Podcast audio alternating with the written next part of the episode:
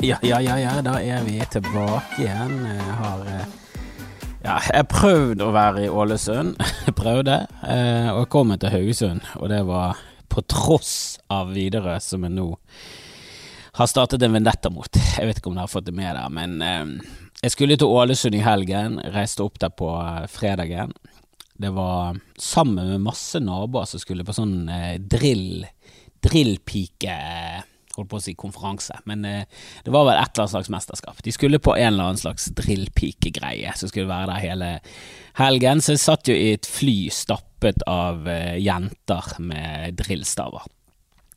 Eh, og så Det har egentlig veldig lite med saken å gjøre, eh, men det var i hvert fall et stappfullt fly, da. Og så flyr vi oppover til Ålesund, og så ender vi opp med at vi blir fanget i i tåke.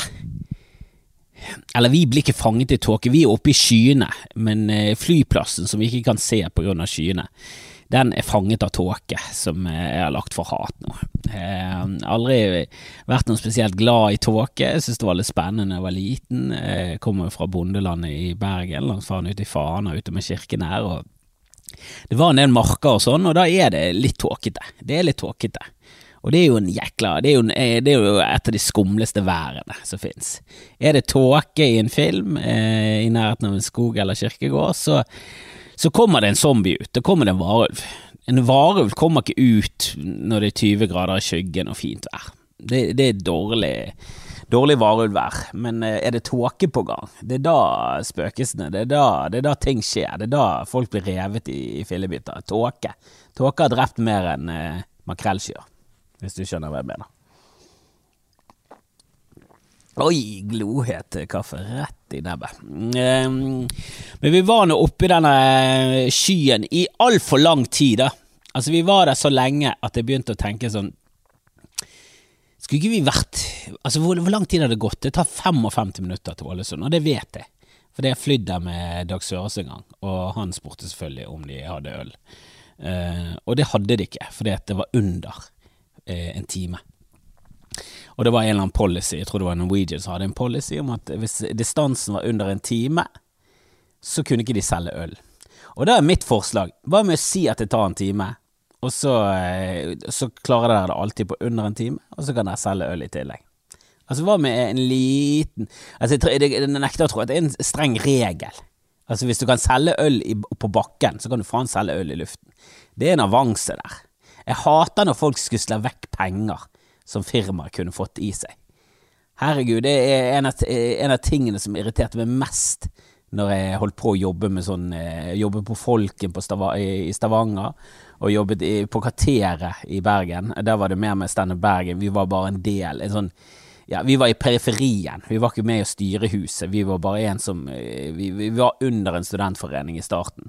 ASF, Aktive Studenters Forening. Det var det, det, var, det, var det og Standup Bergen. Det var det liksom eh, Bengt Ståle Tvedt som jeg startet opp Standup Bergen med. Han var aktiv i Aktive Studenters Forening, og han var en av lederne der. Og, og det var et samarbeid mellom de som gjorde at vi startet opp på kvarteret. Som jeg syntes var et glimrende sted. Jeg var litt i studentalder selv, sant? jeg begynner å bli litt gammel, men jeg var fortsatt det, og det var mange studenter blant komikerne. Det var litt sånn unge folk. Vi tenker studenter, et bra publikum. Vi begynte der på en onsdag. Det, var, det, det funket fint, men samtidig åh, Dere er ikke interessert i å liksom høsle til dere mest mulig penger. Som jeg syns er en bra business-sans, hvis ikke det går på, eh, på bekostning av noe. Jeg har også den eh, formeningen at du skal ikke svindle folk, du skal ikke lure folk, du skal gi dem et bra produkt, du skal alltid yte ditt beste. Men er det muligheter for å tjene en krone eller to, så gjør du det. Og jeg skjønner ikke hva Norwegian tenker på engang. Nekter å tro at det ikke er lov å selge øl på et fly som bare er oppe i luften i 55 minutter. Men uansett, det kan være at jeg tar feil. Det tok mye lenger enn 55 minutter. Vi, vi skulle vært i Ålesund for lenge siden. Vi skulle vært på flybussen. Altså det, Vi snakker om en og en halv time eller noe sånt, og jeg følger ikke med på hva som foregår på et fly. Jeg aner, aner ikke. Jeg vet hvordan du tar på deg en, en, et, et, et fly sete, et, altså et belte. Det er den gode gamle Seinfeld-vitsen. Herregud, alle vet det. Trenger ikke å bli forklart at du skal gjøre det, og den skal inn i den. Ja da, vi kan det der greiene der. Åh, og jeg har ingen tro på at hvis et fly eh, krasjer i vann, at noen overlever. Den si sikkerhetsvesten kan du faen stappe. Altså, det er helt noldus. Altså, det er en grunn til at de kalte det The Miracle on the Hudson. Altså, husker dere han som landet på Hudson med et fly? Det, det, det, det blir kalt The Miracle on the Hudson, fordi det skjer så å si aldri. Det er et mirakel. Da må Gud faktisk intervenere. Gud må komme med sin usynlige hånd, som han gjorde når Maradona skåret mot England. Gud må komme direkte inn og utføre et mirakel som strider mot alle naturlover for at et fly skal overleve et, vann, et vannkrasj. For som oftest, knust i fillebiter, dø, alle dør. Ingen redningsvest. Å, det var bra jeg hadde på meg eh, redningsvesten når vi landet i 320 og ble knust i pinnebiter. Og så kan du blåse i den fløyten. Hvorfor? Hvorfor skal du blåse i den fløyten når du allerede er et lik uten lunger? Uh, så jeg gidder ikke å følge med på noen sikkerhetsgreier. Jeg flydd lenge, jeg gir noe faen i alt som skjer der. Det eneste jeg bryr meg om, er sitter jeg på rad 14 på et Norwegian-fly, sånn at det må være en sånn der uh, Plutselig være deltidsansatt i flyselskapet og få ansvaret for nødkap. Altså, her er mitt forslag. Hva med å enten ha noen som sitter der, så de mister en plass eller to hver tur, eller betale de som sitter der? Hva med det? Hva med at hvis du får en jobb på et fly, så skal du få betalt for det? Eh, kan jeg starte opp den fagforeningen, også sitte på 14., også sitte med nødutgangen? At, at vi skal ha en timelønn? Altså, det, det, trenger ikke å koste flybilletten. Altså, flybilletten kan gjerne koste 800, men jeg skal ha 220 i timen for å sitte der med et ansvar for å lukke opp den døren og redde liv. Altså, hva er det for en ting å bare gi til fremmede? Så det er rart at flyselskapene slipper unna med å bare si til noen som tilfeldigvis har fått billetten der og der. Og greit nok, noen er aktive og er inne og søker og vil ha den billetten, for de har lange bein og de vet at der er det større plass men, eh, men oss som bare sånn tilfeldigvis av og til sitter der. Hvorfor skal vi plutselig få en ekstraoppgave? Hva er det for, er det valgfag nødutgang når jeg tar det der flyet? Det er aldri krysset av på noen greier. Da kunne de spurt deg, er du en heltmodig fyr som har, eh, har feberfantasi om at du skal redde folk? Ja, ok, kanskje du kan sitte der gratis, men alle der andre, ja, der får 220 i timen. Ja, men, eh, men, de tankene går ikke gjennom hodet mitt i det hele tatt. De tankene som begynner å gå gjennom hodet mitt, er hva faen som skjer egentlig? Jeg har ikke vært inni denne skyen lenge nok. Altså, hvor lenge har vi vært inni denne skyen? Altså, Jeg følte vi hadde vært så lenge inni denne skyen at det var sånn Twilight Zone. At det var sånn Skal vi bare være inni denne skyen? Er det resten av livet mitt? Denne skyen? Er det, er det oss? Er det drillpikene og meg? Og et par mødre? Skal vi være inni denne, i, i, denne, i denne skyen resten av livet? Skal vi begynne å starte på ny, starte en ny sivilisasjon inni flyet? Herregud. Um, og så var det nesten sånn at når vi kommer ut av den skyen, sånn at da vi reiste tilbake inn i tid, da vi, vi har vært inne i sånn loophole, og nå er vi tilbake igjen, så blir vi jaget av sånne eh, propellfly som begynner å skyte på oss. Plutselig er vi inne i, inne i andre verdenskrig, i et sjøslag. Plutselig er vi med slaget ved Narvik. Herregud, og det var så lenge. Og så begynner jeg å høre litt etter, og så spør jeg han sidemannen, og så sier han ja, det er tåke, vi får visst ikke lande. Og så sier jeg, kommer han der eh, flykapteinen eh, innimellom og sier eh, deprimerende ting, og så bare ender det med at vi reiser tilbake og lander i eh, Bergen. Og da hadde vi vært i luften i ja, kanskje ikke helt tre timer, men det føltes som åtte timer. Men eh, kanskje litt under tre timer hadde vi vært i luften. Og sist gang jeg var på fly så lenge, sist gang jeg satt meg på et fly på Flesland og landet etter tre timer i luften, så gikk jeg ut av det flyet, og så kom det sånn vegg av varme mot meg. Da var jeg i Syden. Da var det sånn åh, nå er det et helt annet klima. Gud, så deilig. Gud, så, Gud for et mirakel flyet. At du kan bare sette deg på fly, og så våkner du opp i et annet klima. Det er jo helt nydelig. Fly, herregud, menneskets beste venn. Jeg skjønner hvorfor fugler er så glad i å fly. Altså, jeg skjønner trekkfugler mye mer enn jeg skjønner eh, Jeg vet ikke hva de heter, de andre fuglene. Hva, hva heter Er det stamfugler? Er det treigus? Er det fugler uten ambisjoner i livet? Er det jobbefugler som aldri tar ferie? Hva heter de der treigusfuglene som bare blir igjen i landet? Hvem er det for noen fugler? Hva er det dere holder på med? Én ting er oss dumme mennesker, som av en eller annen merkelig grunn for flere generasjoner siden bare gikk lenger og lenger nord og lenger og lenger vest og lenger og lenger ditten og datten. Altså, det er jo fascinerende nok at det finnes mennesker som har emigrert bare på over lange distanser, at samene eh, opprinnelig var asiater som bodde et helt annet sted, og at samene og altså inuitter og, eh, og inkaene og mayaene, alle de der har liksom vært i denne samme gruppen asiatere som jeg vet, jeg vet, ikke hva som skjedde. Om det var en Det må ha vært en stor naturkatastrofe. Det må ha vært noe. Jeg nekter å tro at det var religiøs eh, undertrykking for 22 000 år siden, eller når det skjedde. Men det var jo en enorm emigrasjon en eller annen gang i tiden. Og noen endte opp i California, og noen bosatte seg på Grønland. Og det er jo forskjell på folk. Og jeg har så mye mer respekt for de som holdt ut helt til California, enn inuittene som var sånn Æh, sel og hvalspekk, ikke det et liv, da? Nei, det er ikke det. Hva er det de holder på med? Det kunne vært det kunne vært i Det kunne vært i Altså, det kunne vært alle andre steder på jorden enn dette drittstedet her. Altså, hva er det som feiler dere samer? Syns dere Finnmark var bra nok? Mygg om sommeren og død om vinteren? Er det nok? Hva er det, hva, hva, hva er det for et folkeslag? Hva er det dere holder på med? Hvem var det som bestemte dette her, da? Jeg, jeg, kan ikke skjønne det. Det der, det der må jeg skrive noe på. Det der er morsomt. At noen bare går opp på fuckings Grønland. Ingen bosatte seg på Island. Det sier jo litt om Island. Det var vel noenlunde Var det ubebodd når vikingene kom der, eller bare drepte de eh, bare en sånn liten eh, enklave av inuitter som, eh, som, hadde bodd der og holdt ut hele veien. De, de var fascinert av vulkanene. Eh, uansett. Uansett, vi eh, landet i hvert fall i Bergen igjen, og det er skuffende etter tre timer på et fly. At du bare går ut av dørene og ser det sånn ah, Nøyaktig det samme som når jeg gikk på for tre timer siden. Ingen forskjell. Ingen, eh, ingen flymaskin som hadde flydd med noe magisk sted. Bare det samme. Um, og så var det fortsatt sånn, jeg er jo optimist, jeg var sånn, ja, vi klarer å komme oss opp til Ålesund. Eh, vi klarer å komme oss opp der til eh, showet begynner åtte. Jeg flydde ganske tidlig, sant? jeg flydde klokken kvart over eh, to, gikk flyet.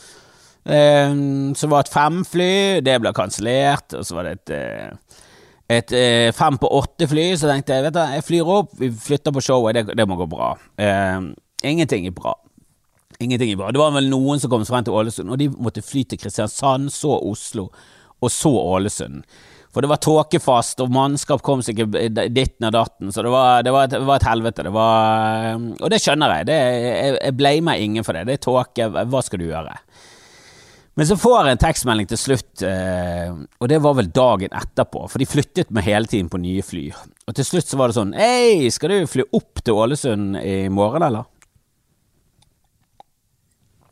Eller det var vel faktisk den morgenen. Skal du fly opp til Ålesund? Har du lyst til å fly opp der nå? Har du lyst til å bare fly opp til Ålesund nå, du?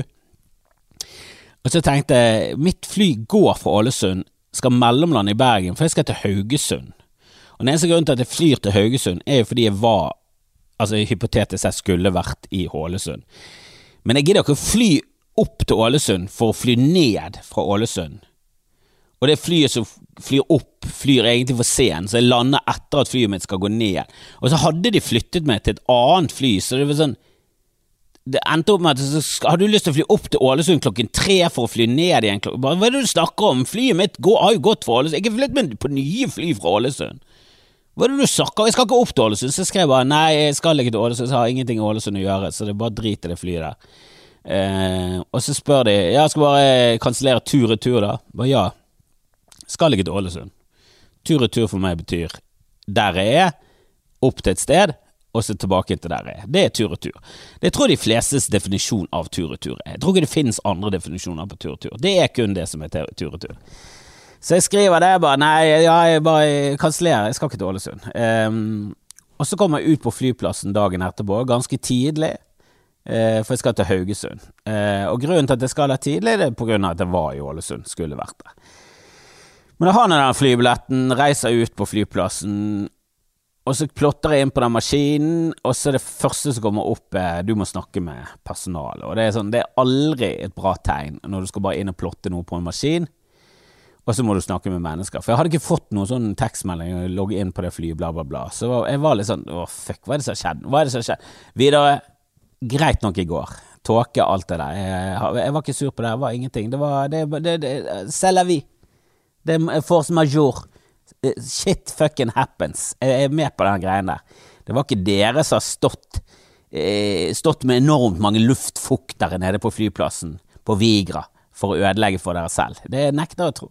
Det har, ikke skapt tåke. Den lateste formen for sky. Den uambisiøse skyen som ikke gidder å fly engang. Jeg skjønner ikke engang hva tåke er. Hva gjør dere på tåke? Hvorfor er du med bakken? Er du, hva, er du for en eh, stesønn av en sky i den skyfamilien? Alle andre fly, skyer er oppe i stratosfæren og koser seg. Ja da, de kan pisse på oss innimellom, det, det, det snør, de gjør noen ting, krasjer de, så kommer det lyn. Jeg vet ikke, jeg har ikke helt fulgt med på skyteknologien i det siste. Men, eh, men hva gjør tåke på det? Hvorfor er den bare nede på bakken? Hva er det den holder på med? For, for, for å være helt ærlig, jeg skjønner ikke luftfuktighet i det hele tatt. Jeg skjønner ikke hvordan da, eh, vann kan fordampe når det er under 90 grader. Jeg kan, jeg kan gi det 90. Det, det, trenger ikke å være fullstendig fosskok for at det skal gå over til eh, damp, men det kan jo faen ikke bli damp i 20 graders. Altså, hva er det som skjer? Kan, skjer det med andre stoffer? Altså, alle stoffer har jo denne fastfase, eh, liquid-fasen, altså renefase, vannfasen, eh, renefasen, hva er det vel den kalles? Væskefasen. Væskefasen er det vel. Eh, og så har de dampefasen. Altså, er, Det er sikkert noen stoffer som kun har fast og går rett over til gassrom. Jeg vet ikke. Det er, er sikkert masse tekniske Masse tekniske terminologier her jeg jeg har sovnet fra. Men, eh, men, blir ikke alle fastform, så væskeform, så, eh, så, så eh, gassform? Altså, jeg, jeg, skjønner ikke hvorfor vann bare plutselig bare med sånn Altså, ute i Stillehavet, det, det, det fordamper masse vann der. Jeg er sikker på at det er hovedmengden av vann som blir om til skyer, kommer fra Stillehavet, for det er størst. Men Stillehavet er jo sjelden over 20 grader. Altså Det er ikke sånn at det bobler i overflaten, for der koker det av vann. Jeg skjønner det ikke. Jeg skjønner ikke hvordan vanndam blir til i det hele tatt. Så dum er jeg. Og nå er jeg i hvert fall lagt uh, uh, for hat. For det som viser seg, er at når jeg, jeg har sagt tur-retur ja kansellert tur-retur, så har de kansellert hele reisen min. Det var det de tolket det som. Da bare tenkte de at ja ja, men da skal han ikke reise mer i livet sitt, da. Da har han kansellert alt. Alle flyplaner resten av livet har han eh, kansellert nå. For dette var samme billett, og da var det en som kom med sånn, eh, sånn irriterende sånn eh, besserwisser-løsning i etterkant sånn Ja, og det er derfor jeg alltid bestiller flere forskjellige reiser. Og det er kanskje en god løsning, det. Kanskje det ikke koster mer engang. Altså, tjener vi noe på tur-retur? For hvis ikke de reisene henger sammen, og du ikke tjener på det Altså, nå henger jo tydeligvis de reisene sammen, så min tur-retur var hele veien ned til Haugesund. Det var det de tolket det som. For det står jo i, i finskriften. Men den finskriften har jo jeg aldri lest. Det er ingen som har lest den finskriften. Det er jo derfor det er en finskrift. Det er jo for at, du, at advokater skal si ja, 'du har fucket opp', og så skal du sitte der og bare 'helvete heller'. Men jeg ble jo drittsur og skjelte ut en uniformskledd uh, ung dame som uh, Jeg aner ikke hvor gammel hun var. Men i mitt hode så var jo hun Widerøe. Og også i mitt hode så har jeg aldri hatt noe som helst uh, lyst til å skjelle ut de som bare er en representant for et selskap, for det har jeg alltid bare tenkt. Altså, hva har de med noe å gjøre? Hun er jo en, hun er jo en sommervikar. Hun kan jo faen ikke ta på seg støyten for at uh, selskapet uh, streiker. Det, det, har vært mye sånn streik og mye sånn tull og tøys på flyplasser opp igjennom. Og, og hvis noe er fucket, ja, det er irriterende. Men jeg tenker at alltid, det skal nok ikke gå utover de der stakkars småansatte. Ja, la oss finne de i styrene og ta frem høygaflene og ta og jakte på de. Det kan, det kan jeg være med på. Jeg kan jakte på en uh, på en av de høye herrene, men eh, la nå de der stakkars små damene med uniform eh, få unnslippe. Ikke denne gangen. Helvete, jeg sprakk. Når hun sa at jeg måtte For det først så kommer der, så sier hun eh, ja, du er ikke på det flyet. Så sier jeg hva, hva du mener, jeg står her med billetten. Så, så ringer, så tar hun opp en fasttelefon, så ringer hun. Og så kommer det tilbake, igjen, så sier han ja, eh, men du har kansellert reisen, sier jeg. Nei, det har jeg ikke. Nei, men, eh, men du er ikke lenger på det flyet. Så sier jeg ja, men da må du fikse, må du fikse det. Så sa han nei, det kan ikke jeg fikse. Og så sier jeg ja, hva- skal jeg gjøre da? Nei, du må ringe eller chatte. Så sier jeg nei, nei, nei, du. Du må fikse det sånn. Ja, men det, det kan jeg dessverre ikke. Så sier jeg ja, men hell...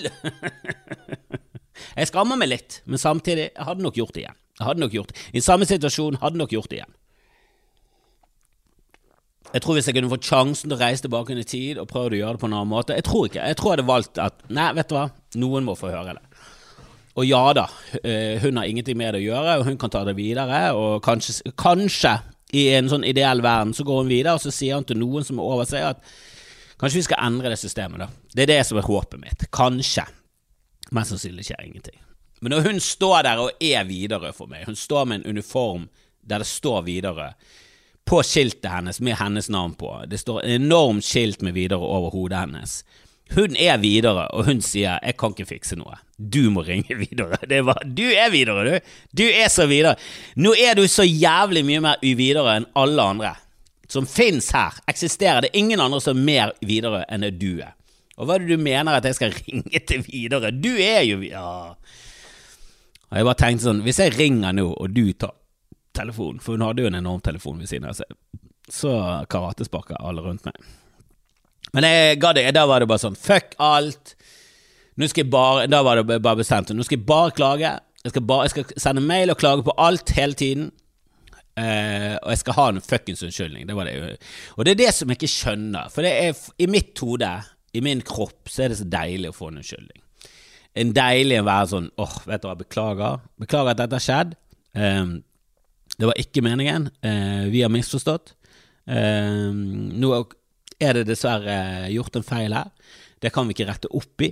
Eh, vi skal prøve å Altså, en eller annen slags full beklagelse, da. Eneste jeg ute etter. Jeg er ikke interessert i noe annet.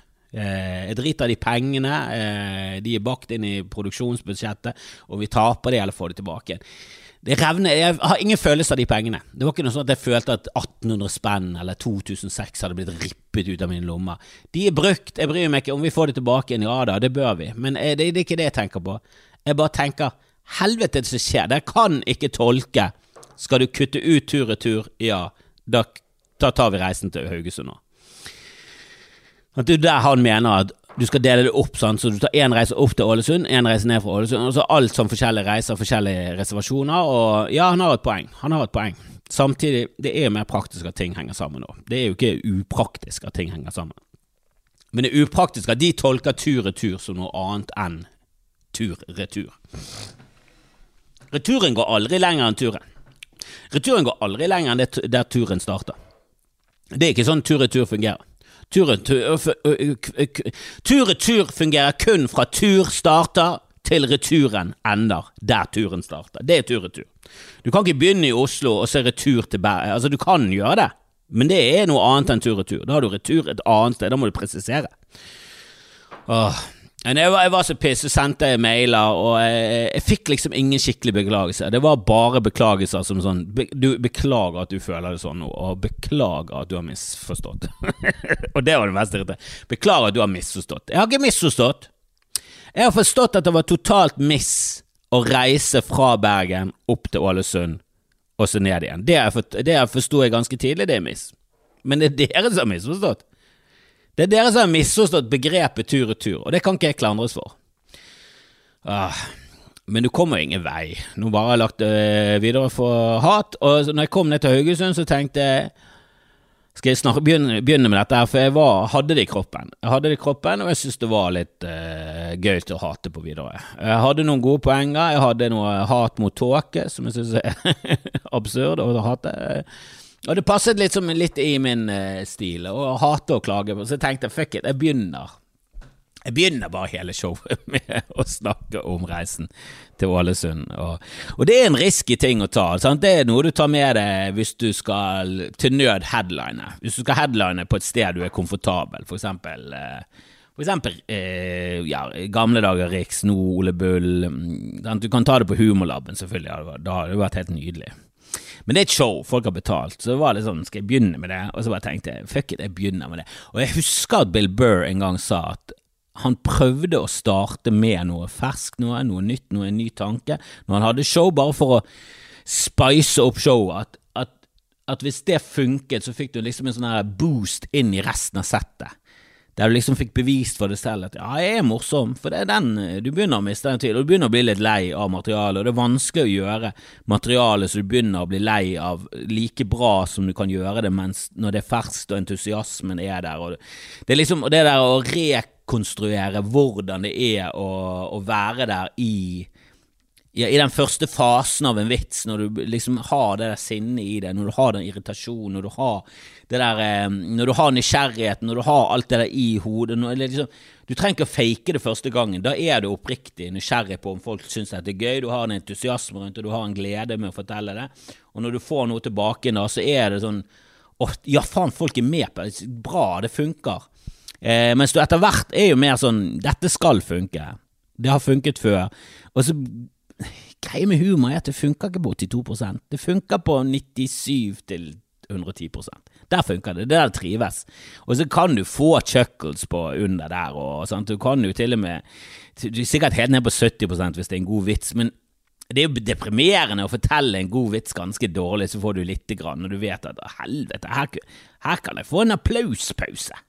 Og applauspauser i Norge, det, det skjer titt og stadig, det. Hvis du har et varmt publikum. Vi er raus med applaus i Norge. Men jeg starter nå. Jeg, jeg bare sånn fuck it. Jeg starter nå. Jeg, jeg begynner med det. Eh, og så var jeg så dum at jeg hadde telefonen i lommen og skulle ta det opp, for jeg skulle dele det klippet med, med alle sammen. Men eh, jeg hørte igjennom det, og det var masse sånn skrytsjelyder, skretchelyder eh, fra lommen, så jeg må aldri gjøre det igjen. Jeg burde hatt et bord og lagt telefonen oppå der. og og tatt opp. Men så ser det litt rart ut. Jeg vil ikke ha et bord på scenen når jeg, når jeg gjør eh, showet mitt, og ja. Eh, det, det funket ikke helt. Jeg angrer. Jeg, jeg, hadde jo til og med med meg en opptaker. Jeg kunne bare gitt den til lydmannen. Jeg skulle gjort det mer profesjonelt, så skal jeg tenke på det neste gang. Men jeg har i hvert fall eh, ja, i hvert fall tre, kanskje hvis jeg er heldig, ti minutter om eh, hat på videre og tåke. Og så er det det hele det konseptet med at du kan ikke skjelle ut folk, for det er aldri den skyldige foran deg. Det er, all, så langt frem til den skyldige at, at Og du, jeg aner ikke hvem som er skyldig. Jeg aner ikke hvem som lagde det systemet at hvis billetter henger sammen, og de sender ut en tekstmelding og, og bekrefter at ja, det er tur-retur, så, så, så har de lovmessig lov og bare eh, ta, ta, Og dette skal jeg, jeg skal skrive en klagemail, for det var jeg, til slutt så fikk jeg bare fra han her eh, fra fyren på kundeservice var mer sånn Du, vi må bare være enige om å være uenige. Det var det jeg fikk på slutten. Vi ble aldri enige om dette greiene her. Bare, bare fuck hele fuckings day. Jeg vil ha en unnskyldning, er det en jævla kødd? Helvete, så jeg hater han.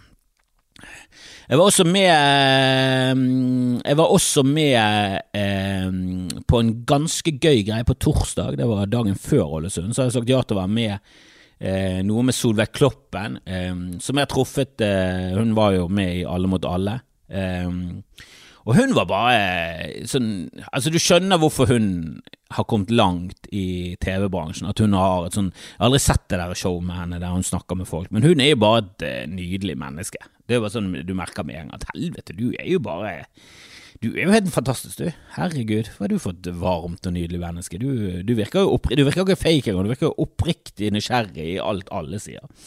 Og så hører jeg på denne Harald Eia-podkasten, så viser det seg at ja, hun er et usedvanlig varmt og nysgjerrig menneske. Og det setter jeg stor pris på. Hun var Ikke det at Jon Almos var noe kjip, men han var jo Han var mer normal, da. Han var hyggelig og profesjonell, men hun var jo sånn opp, altså bare sånn Jesus, hun skiller seg ut. Og nesten sånn at du mistenker henne for å være fake, og så er det faen meg ekte, og det, og det skinner litt igjen. Du, du, tenker, fordi du er kynisk og en drittsekk, at er dette fake? Er dette sånn, eh, er det jo sånn Oslo-fake-fake? Og så eh, er det deilig å få en bekreftelse på at nei, hun har bare den personligheten. Hun er, hun er rett og slett et übermensch når det gjelder å være empatisk og hyggelig. Så da hun spurte meg om å være med på en podkast, så var det bare sånn ja, jeg er med. Erotisk lesesirkel. Jeg bare ja, det hørtes ut som noe som potensielt kan gå til helvete også. Så det var ikke noe sånn 'oi, slam dunk, det der kommer til å bli bra hele tiden'. Det var bare mm, skeptisk. Jeg var, jeg var, skeptisk, jeg må si.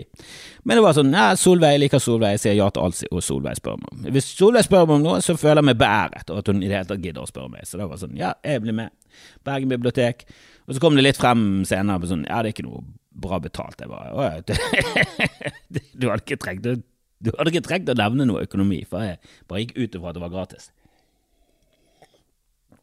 Um, og så, um, så, stilte jeg opp på det, og Gunhild eh, Dahlberg var um, makkeren til Solveig, som jeg er stor fan av siden P3-dagene. Hun uh, var med på P3, så for meg så er hun P3-Gunhild. Nå har hun vært på jakten på kjærligheten, hadde ikke fått med meg i det hele tatt. Men hun, hun er jo uh, still going strong og um, hanging in there, hun òg. Og jeg har truffet henne før, jeg tror ikke hun husket det, og jeg gadd ikke rippe opp i det.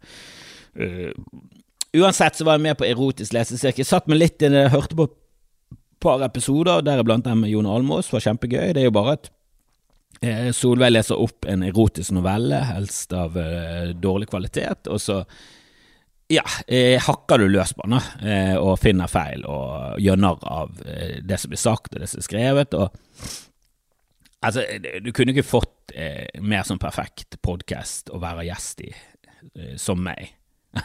det, er jo, det er jo det jeg kanskje liker best. Det er jo bare slakte ting, finne feil, eh, kritisere, henge seg opp i ting som ikke henger på greip. Altså det, det er jo det jeg gjør hele dagen uansett. Jeg kan like godt sitte sitteværende publikum og gjøre det på, på mic. Og nå vet jeg om lyden blir bra nok til at de, de, kommer til å bruke episoden. Det var noe problem med min mic. Det var drit. Okay, jeg tror ikke det er min feil, men men eh, du føler jo litt skyldig når din miks lager sånne ulyder, så jeg vet da faen. Nei, det kan være at lydopptaket blir ubrukelig. Uansett så var det gjesla gøy, og i en sal med Altså, det var en stappfull sal, og jeg tipper, uten å overdrive, det må ha vært 98% damer. Det var kanskje mer, kanskje 99% damer. Hvis du trekker fra meg og han produsenten, så tror jeg det var 99, kanskje 99,5% damer. Jeg tror det var én mann der, kanskje det var to. Um, og det en annen litt sånn gøy ting som skjedde, var at uh, det var en operasanger med. Som, uh, som sang uh, liksom handlingen i den erotiske novellen to ganger. Så tok han en oppsummering når jeg kom til halvveis, så tok han en oppsummering helt til slutt. Ehm, kjempegøy idé. Det, var, det, det, spriter opp, det deler opp, og det gjør det til en, et liveshow. Syns det var kjempe Det, var, det funket som F. Men han fyren var bare som en gang sånn operasanger, det er det lange hår, han hadde sånn lang, krøllete hår. Jeg bare Altså, er det han fra Seimen? Jeg vet at han gitaristen i Seimen var operasanger opprinnelig. Og så sa jeg er du operasanger? Så sa han ja, jeg er operasanger, jeg egentlig rocker i hjertet, da. Så jeg sa, og da var det bare sånn, ok, er du han fra Seimen? Han bare ja, Jesus, jeg har jo sett på scenen, stor fan, herregud. Og jeg er fan av alle sammen. Hadde det kjempegøy. Jeg håper den episoden kommer, eh, og hvis ikke den kommer, så håper jeg å være med igjen, for ja, det var gøy. Eh, det var meg og en annen gjest. Det var en som het Marit Eikemo, som jeg mistenker å være i familie med Jon Eikemo, en eh, god, gammeldags, god gammel skuespiller fra Vestlandet. Som var mye på TV da jeg var liten. Jeg føler han er litt sånn i samme klasse som Frode Rasmussen. Sånn at Unge folk i dag de aner ikke hva jeg snakker om, men, men Jon Eikemo var liksom en bauta bauta inn underholdning på NRK og DNS og eh, sikkert Nationaltheatret. Han, han, var stor. Jeg fikk litt eh, hans datter, kusine slash niese-vibber av eh, hun damen. Hun var forfatter og kjempegøy. det var, var, veldig, veldig gøy å være med på. Og, og og så har jeg et par andre videre. Jeg har bare notert. Videre svulsten i skyene. Videre holocaust på vinger. Dette skrev jeg mens jeg var i luften. videre Eller det var kanskje dagen etterpå. Verre enn holocaust. Jeg skrev vel dette når jeg var på fergen. For det var en annen ting. At Én ting er sånn buss for, eh, buss for tog og sånn, men ferge for fly det er en ny bunn når det kommer transportmiddel for transportmiddel. Videre fly, flyets svar på rottehale. Eh, og det var en ting eh, når jeg var liten. Det var rottehale var liksom en Det var et konsept innen inn, inn frisyre når jeg var ung. Og Det var bare sånn Hvis du, hvis du hadde rottehale Hvis du var liksom 10-11-12 år og hadde rottehale, så da bare tenkte jeg sånn, hvem, hvem har du som foreldre som eh, aksepterer dette her i det hele tatt? For én ting var hockeyhår, som var jækla populært. Det var Limal, og det var eh, de som presenterte musikkvideoer på MTV og Sky og alt det. Det var veldig poppis, da. Veldig populær sveis, som veldig mange hadde. Men så hadde du denne ekstremversjonen som var hockey, altså som var rottehale. Og det mener jeg altså Jeg har alltid vært sånn vet du, jeg, jeg klarer ikke å hate grupper, men mennesker jeg kan gjerne hate mennesker. Altså Det er derfor jeg ikke vil bli diktator. Hva hadde jeg blitt diktator? Herregud, de med rottehale hadde jo røket så jævlig. Altså, Sist gang jeg så en rottehale, så var det kanskje på begynnelsen av 90-tallet, og da hadde det vært ut lenge. Altså, jeg husker det var, det var ekkelt på 80-tallet, og så eh, utover på 90-tallet så var det ingen som hadde det, det var bare tullete. Og så så jeg en gutt fra Tyskland, tror jeg, på sånn ti år, som hadde åtte rottehale i 1993 eller noe sånt.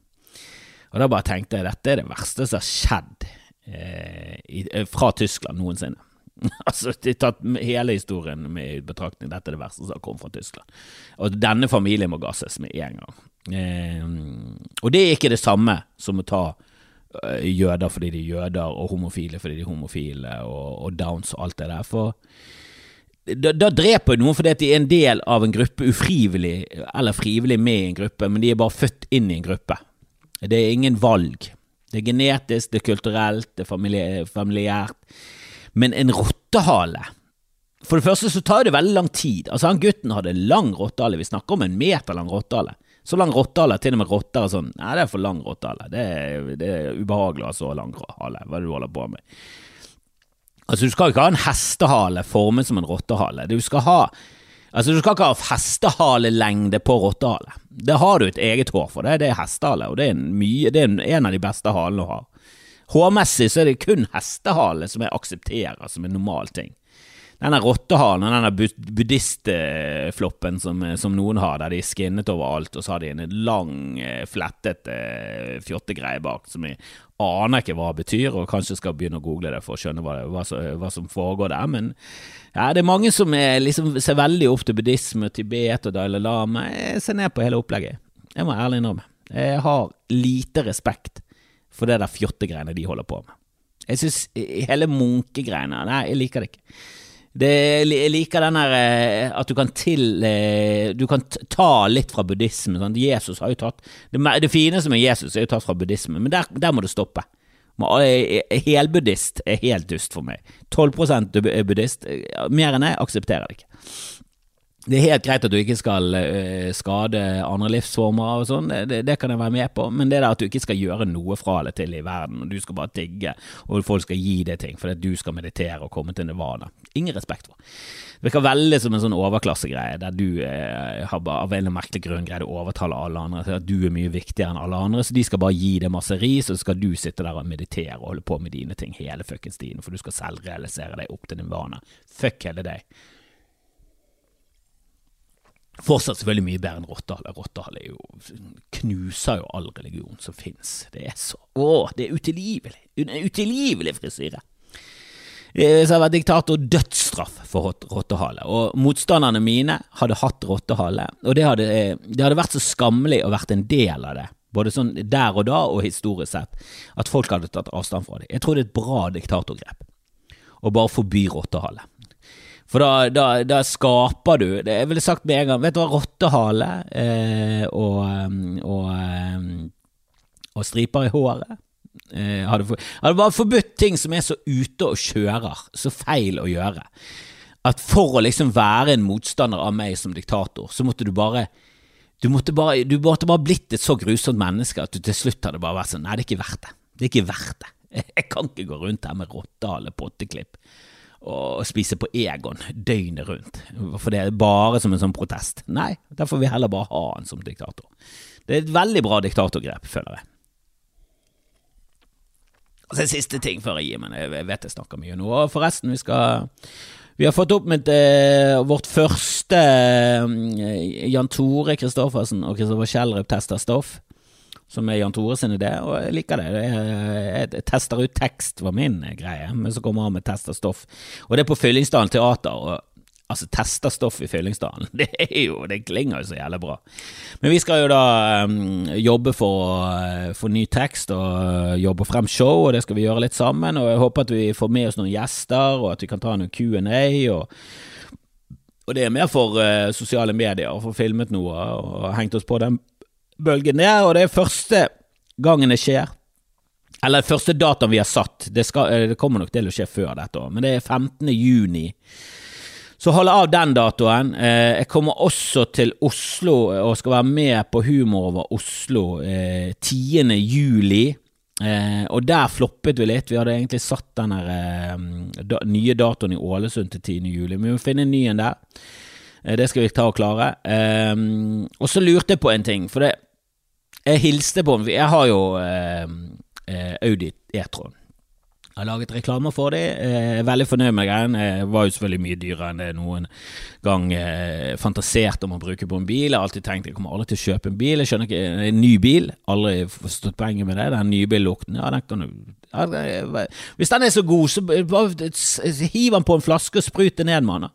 Hvis han er så jævla god, og det verste er at du får den lukten på flaska. Altså, bruker jeg bruktbiler. Men ny, nybillukt for meg, det er Ja, da er, du, da er du en helt annen stratosfære av interesse... Altså, for, for, for, for å si det sånn, du er en sky, mens jeg er tåke når det gjelder eh, nybillukt av eh, entusiasme. Jeg er lavt nede. Og når det gjelder bil eh, generelt sett, jeg vil bare ha en grei bil som jeg slipper å gjøre noe med. Og nå har jeg det. Altså, E-tron, har du penger og, og, du liker ny bil, eller kjøper det brukt, anbefaler det voldelig. For det er jo Ja, det er nydelig. Det er mye bedre bil enn jeg noensinne hadde drømt om at jeg skulle kjøpe. Jeg kommer sannsynligvis aldri til å kjøpe noe som er så utrolig mye mer fancy enn det. Jeg synes det, det får holde. Det er veldig mye sånn Porscher og tullebiler rundt meg, og det er bare ja. Altså, jeg synes han er stor nok. De som kjøper sånn Mercedes Gelanderwagen, hva, hva er det du holder på med? Skal de kjøre rundt i en tanks? Hva er det du holder på med i livet? Du klar over hvor vanskelig det er å parkere med en vanlig bil, og så skal du faen meg gjøre det ti ganger verre med å ha en bil som er så stor at det, du begynner å nærme seg Hummer.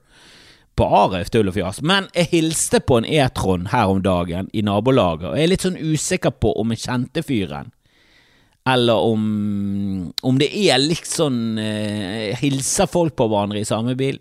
Er det en sånn E-tron-greie? For jeg vet at eh, Gelendervagen de hilser, for det fikk jeg med meg i Flatseth sin eh, podkast med Hellstrøm. At Gelendervagen-miljøet det er såpass sjelden bil, det er såpass tullete, at der hilser du. Som er kvalmende nok. Eh, men E-tron var Norges mest populære bil eh, året før jeg kjøpte den. Sånn. Altså, det, det er E-tron overalt. Det er kjempepopulært. Den er overalt. Altså, folk i Norge har jo kjemperåd. Så den er, jo, den er, jo, utvannet. Altså, du kan ikke hilse for sånn Jeg, jeg husker fra gamle dager bussjåfører sånn hilste på andre, og det er greit. Bussjåfører kan hilse.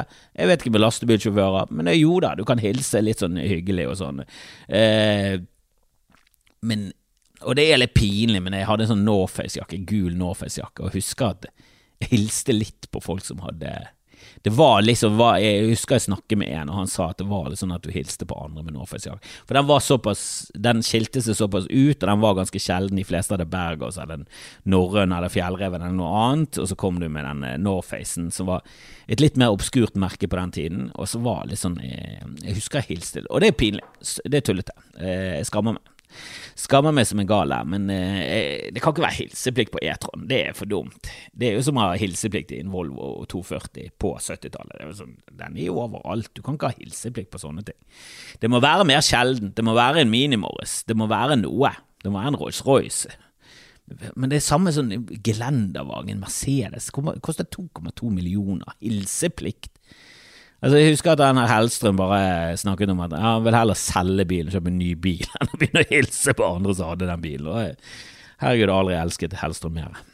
Og så helt til slutt, jeg har veldig lyst på en grill som koster skjorten. Og jeg trenger den ikke. Og jeg, åh, jeg syns det er litt stusslig.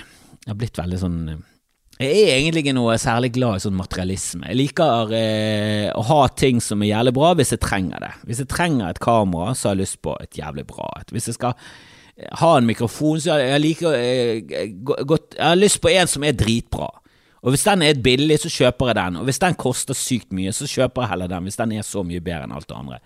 Da vil jeg, jeg vil ha noe med kvalitet. Hvis jeg skal ha noe nytt noe, så vil jeg ha noe som varer. Hvis jeg skal kjøpe noen nye støvler, så skal det være sånn Jeg, jeg, jeg kan like godt kjøpe de som koster helt sånn absurd mye, hvis det viser seg at de holder, har tiårsgaranti og er fuckings god. Og de er vanntett, og du slipper å gjøre så mye med dem. Da liker, jeg liker ikke å gjøre mye med ting. Uh, og så liker jeg uh, Så liker jeg at ting er bra, sånn at du, du får det beste resultatet ut av det. Og den grillen jeg har lyst på Jeg har jo en bra Weber-grill nå, som var en kulegrill til 1500 som vi kjøpte for et par år siden. Den funker så faen, og den lager bra kjøtt. Og jeg trenger egentlig ikke mer, men det er noe i meg som jækla lyst på en sånn her eh, helt som vil Komodo, eh, Komodo Joe, eller Green Egg, jeg vet ikke om jeg vet hva det er, men det er sånn keramisk grill som koster, veier 120 kilo og eh, koster skjorten. Og. Men jeg har bare lyst på den. Det er det der, eh, jeg merker at materialisten i meg har lyst på det der dritet. og jeg skammer meg litt. Jeg vet ikke om dere er sånn. Da, skammer jeg meg. Urr. Bør ikke være sånn. Jeg synes vi, vi, har kvalmende bra liv her i Norge, vi trenger ikke å gjøre de mer kvalm, men samtidig Sikken så har jeg lyst på den grillen. Kan være. Jeg har mest lyst til å få den. Jeg har mest lyst til å få den, og det tror jeg ikke er populær nok til å gjøre, altså. men herregud så har jeg lyst til det. Ah, nei, nå er det nok eh, fjasing. Jeg må hente min eh, sønn. Han har falt og slått seg på skolen, så jeg skal mm, ja, hente han før SFO-en. Eh, det var visst ikke noe alvorlig, men allikevel. Eh, og så har vi hatt eh, Han har hatt sånn sk skolekafé, og vi eh, bakte boller så det sprutet etter i går. kanelsnurrer fra Trines matblogg. Herregud og Jesus og Nelly og Buddha, Allah og Mustafa. Hele gjengen. Herregud, Must, hvem er Mustafa? Det skulle du sagt Muhammed, men det klinger ikke så bra som Mustafa. Kunne ikke du skiftet navn? Mye bedre navn. Mustafa. Liker det mye bedre. Um, nei, kanelsnurrene til Trines. Helsike, det er bra greier.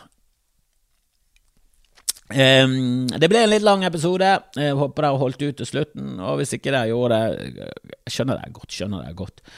Jeg håper dere har hørt der opp på Nikki Glaze-episoden, Erlend Osnes-episoden. Uh, og hvis dere har lyst på noe ekstra stoff, så bli med på Patrion, folkens. Bli nå med på Patrion. Og så, um, ja, showet. Uh, jeg hadde fortsatt lyst til å reise litt rundt med det, så vi skal finne en ny dato alle Ålesund. Har kommet noen alternative datoer, så jeg skal velge en av de og bare gønne på på det.